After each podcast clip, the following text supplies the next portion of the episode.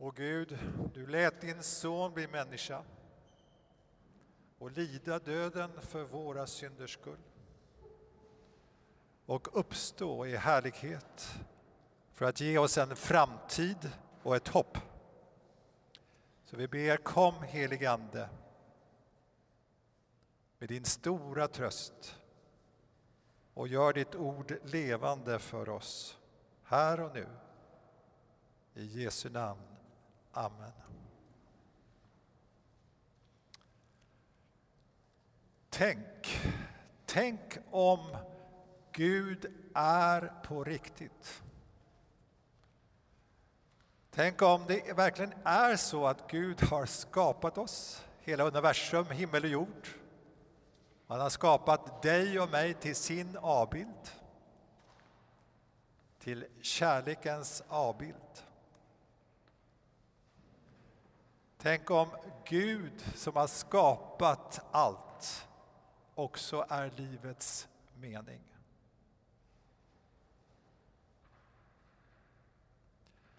Ja, då är det inte konstigt att det finns en bibel som är spridd över hela världen och den mest lästa boken överallt. Och ett evangelium som är ett glatt budskap, goda nyheter. Evangelierna börjar nämligen med ängeln som proklamerar. Se, jag bär bud till er om en stor glädje. En glädje för hela folket.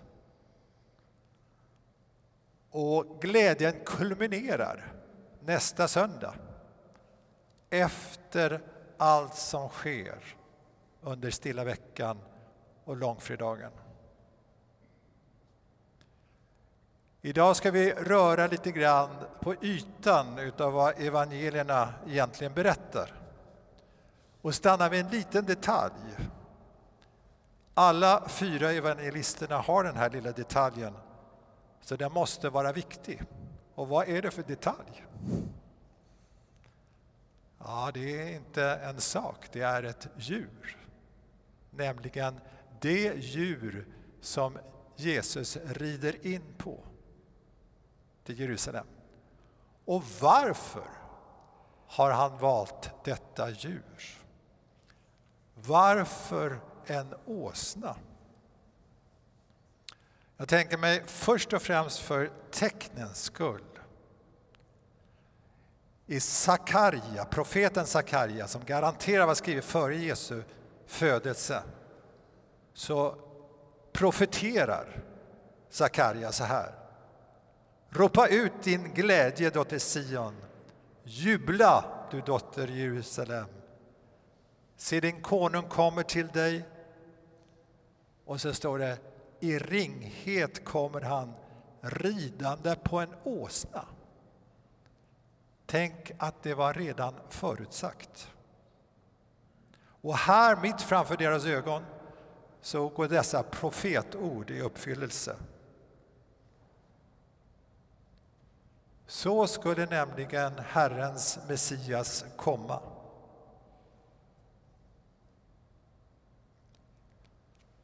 Efter sin död och uppståndelse, alltså nästa söndag som vi firar, så möter han, den uppståndne, två av sina lärjungar, men de känner inte igen honom, för deras ögon är blinda, förblindade. Och de berättar om det här fruktansvärda som hände under långfredagen. Korsfästelsen, smärtan, tortyren. Och de är förtvivlade och de går där med tunga steg. Och han lyssnar och han lyssnar. Han är en god själavårdare. Han lyssnar. Och när de har pratat färdigt så säger han de otroliga orden Förstår ni så lite? Är ni så tröga till att tro på det som profeterna har sagt? Skulle inte Messias lida allt detta och gå in i sin härlighet? Och med början hos Mose och profeterna förklarade han för dem vad som står om honom överallt i skrifterna. Skulle han inte lida allt detta? Skulle inte Guds Messias lida allt detta? Och det är förutsagt i skrifterna hela vägen. Tänk om det här är på riktigt. Ja, då är det så att de här profetorden går i uppfyllelse, det ena efter det andra under den här veckan och särskilt under långfredagen och påskdagen. Du som har lite tid över dessa tider skulle ju kunna läsa skrifterna, den mest lästa boken i hela världen och se själv, uppleva detta otroliga att det finns så många förutsägelser i Gamla testamentet som går i uppfyllelse i Jesus när Messias kommer. Lycka till! För det andra så tror jag valet utav åsna har att göra med ringheten. Varför en åsna? Ja, för ringhetens skull. I ringhet kommer han ridande på ett oansenligt lastdjur. Vilken annorlunda kung! Och vilket annorlunda kröningståg. Det går kanske till och med att förakta en sån kung, eller hur? Och han väljer en åsna. Ett skällsord på många språk. Men ett ytterligare profetord som han använder i synagogan i Nasaret. Där säger han att Herrens ande är över mig, ty han har smort mig till att frambära bära ett glädjebud till de fattiga. Tänk om han är de fattigas konung och han kommer i ringhet därför han kommer i solidaritet med så många människor på denna jord. Och på den yttersta dagen ska denne märklige konung säga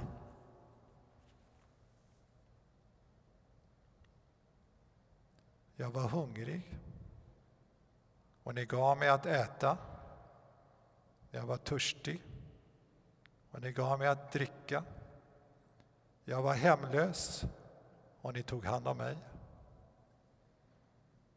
Jag var naken och ni gav mig kläder. Jag var sjuk och ni såg till mig. Jag satt i fängelse och ni besökte mig. Jag var sjuk och ni såg till mig. Tänk om det är på riktigt.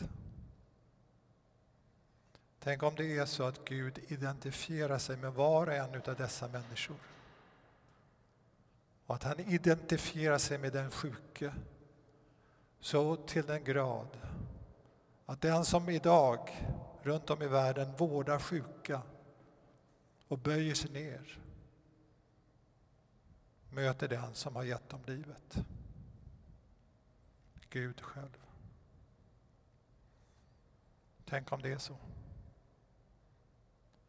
Tänk om det är på riktigt. Du som vårdar sjuka. Tänk på vem det är du möter.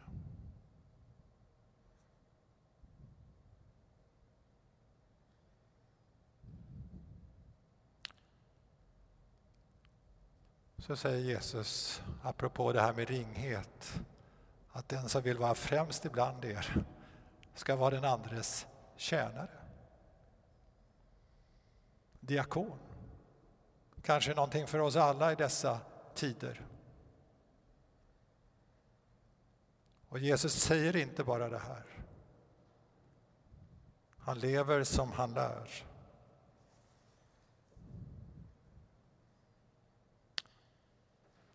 Han ägde Guds gestalt, denne käre Jesus, men vakade inte över sin jämlikhet med Gud utan avstod från allt och antog en tjänares gestalt då han blev som en av oss. När han till det yttre hade blivit människa gjorde han sig ödmjuk och var lydig ända till döden, döden på ett kors.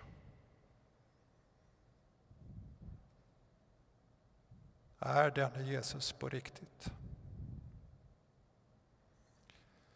Varför en åsna? Ja, för det tredje, för lidandets skull. Åsnan i Orienten och på många andra håll har alltid varit ett misshandlat djur märkt av lidande. Hennes föda har varit mestadels torra ökentisslar och fulla av vassa taggar. Hennes smala ben skälver under omänskligt tunga bördor. Och själv har jag sett hur man slagit och piskat dessa arma djur när de har fallit under tunga bördor. En alltför tung börda.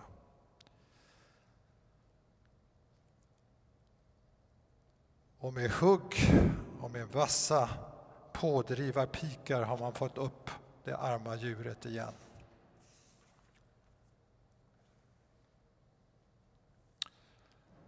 Det är märkligt att denna människans trogna tjänare som bär så tunga bördor i Orienten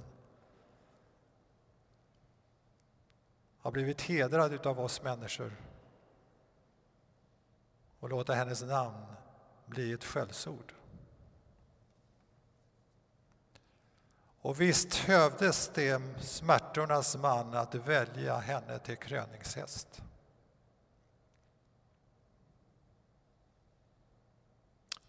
Denne märklige, oansenlige konung, för han är en konung. Han är inte bara en konung, utan han är konungarnas konung och herrarnas herre. Han är till käre vän som lyssnar på det här, just i dessa tider.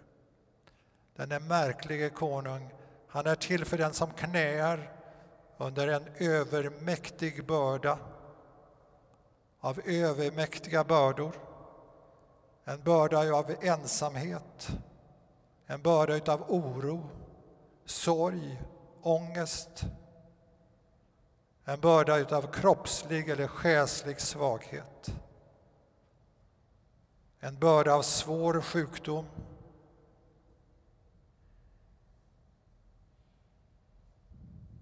Och framför allt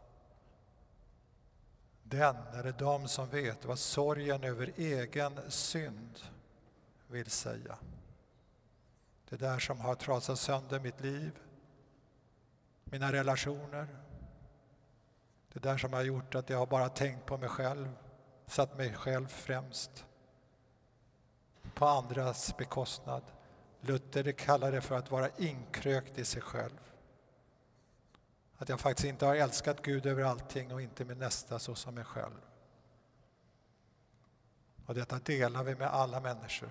För det står att alla människor har syndat och saknar härligheten från Gud. Det finns en skada i oss människor. Och det finns en skada i den värld vi lever i. Och den är svår.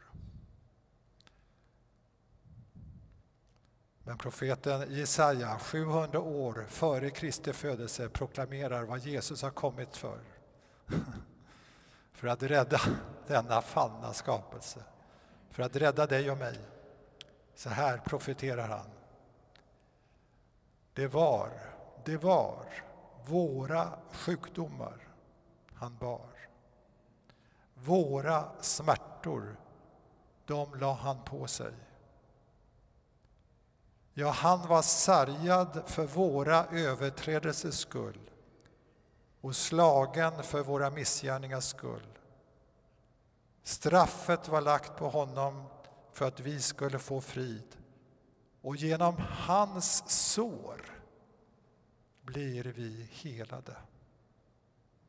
Genom hans sår blir vi helade. Här har kyrkan i alla tider firat Herrens heliga nattvard för att ge oss odödlighetens sakrament och läka våra sår. Och det svåraste såret har synden tillfogat oss. Aposteln skriver den som var utan synd blev gjord till synd för vår skull.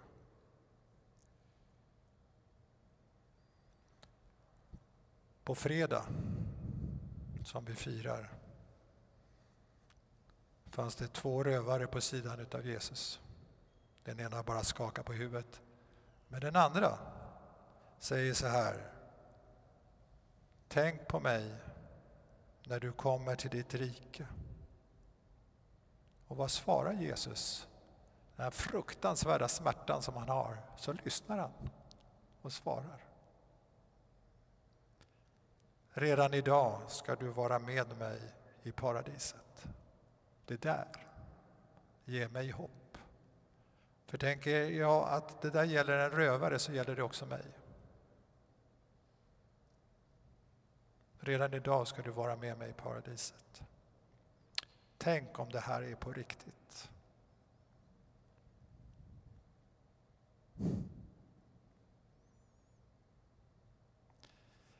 Nu står det så underbart i Uppenbarelseboken att se, jag står vid dörren och bultar. Om någon hör min röst och öppnar dörren ska jag gå in till honom och äta med honom och han med mig.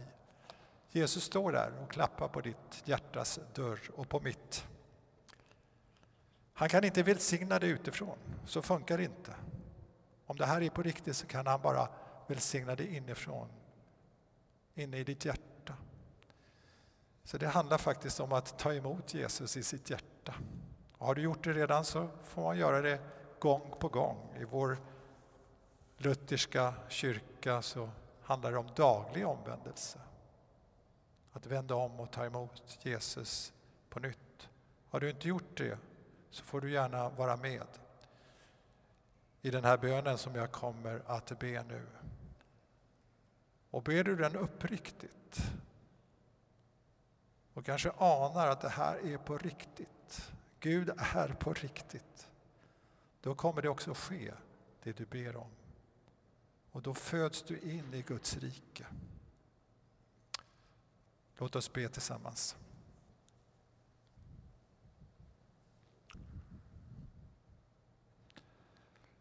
Herre Jesus, Herre Jesus, jag kommer till dig, jag kommer till dig. Jag ber dig, jag ber dig. Förlåt mig mina synder. Förlåt mig mina synder. I ditt namn förlåter jag alla. I ditt namn förlåter jag alla. De som jag gjort något ont och som gjort något ont mot mig. Jag ber dig Jesus, jag ber dig Jesus, kom in i mitt liv som min Herre och Frälsare, som min Herre och Frälsare. Uppfyll mig, uppfyll mig med din helige Ande, med din helige Ande. Och ge mig din stora tröst och ge mig din stora tröst. I Jesu namn. Amen.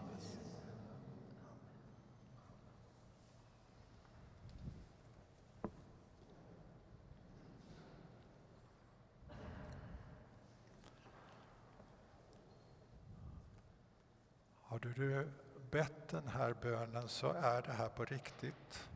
Och Gud har kommit in i ditt hjärta. Och han vill bo där med allt det som hans löften innebär i både Gamla och Nya testamentet. Du är en ny skapelse. Något nytt har skett med dig. Och det är det mest fantastiska som kan ske med en människa. Och vill du ha kontakt med någon församling så hör av dig till din kyrka.